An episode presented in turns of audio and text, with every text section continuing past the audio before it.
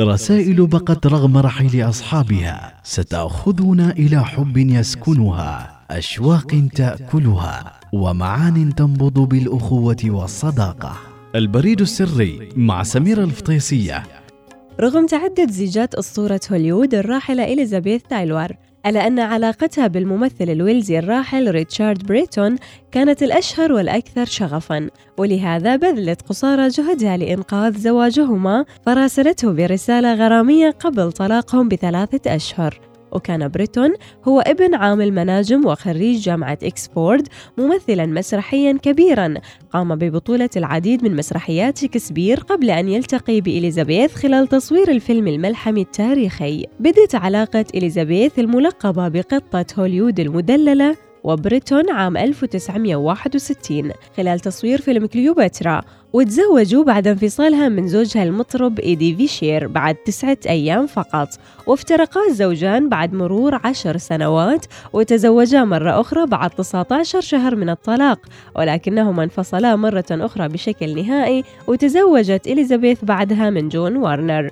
كتبت إليزابيث رسالة لزوجها قبل الانفصال النهائي. واللي افتتحتها بقولها حبيبي زوجي ليتني أستطيع التعبير عن مقدار حبي لك وخوفي وسعادتي معك وغيرتي عليك واعتزازي بك وغضبي منك أحيانا.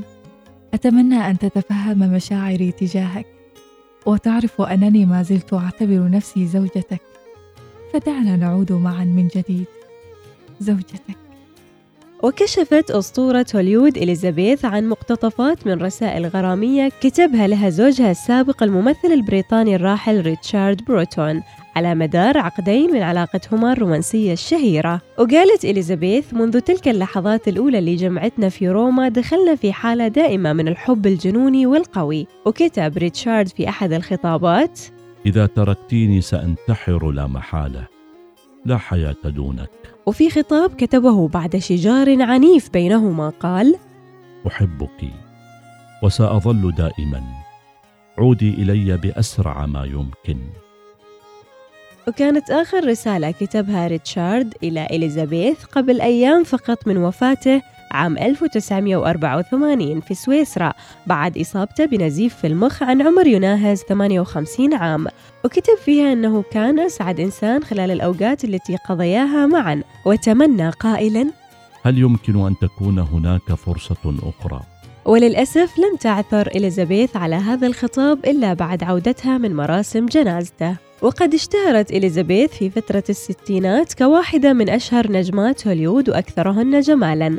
وعلى الرغم من تجاوزها السبعين وقتها ألا أنها بقيت قبل وفاتها محط أنظار الجميع. سواء بسبب نجوميتها وتربعها على عرش النجومية بهوليوود لفترة كبيرة من الزمن أو من أجل نشاطها الخيري في مكافحة مرض الإيدز. وأصبح الاثنان أشهر زوجين في هوليوود سواء كان ذلك في أفلامهما أو حياتهما الخاصة. واشترك الاثنان أيضا في بطولة أفلام مثل ترويض النمرة ومن يخشى فرجينيا وويلف.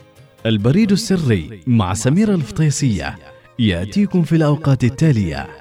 التاسعة. وخمس وأربعين دقيقة صباحا الثانية عشر وعشرين دقيقة ظهرا الخامسة وخمس وعشرين دقيقة عصرا الواحدة وخمس دقائق صباحا.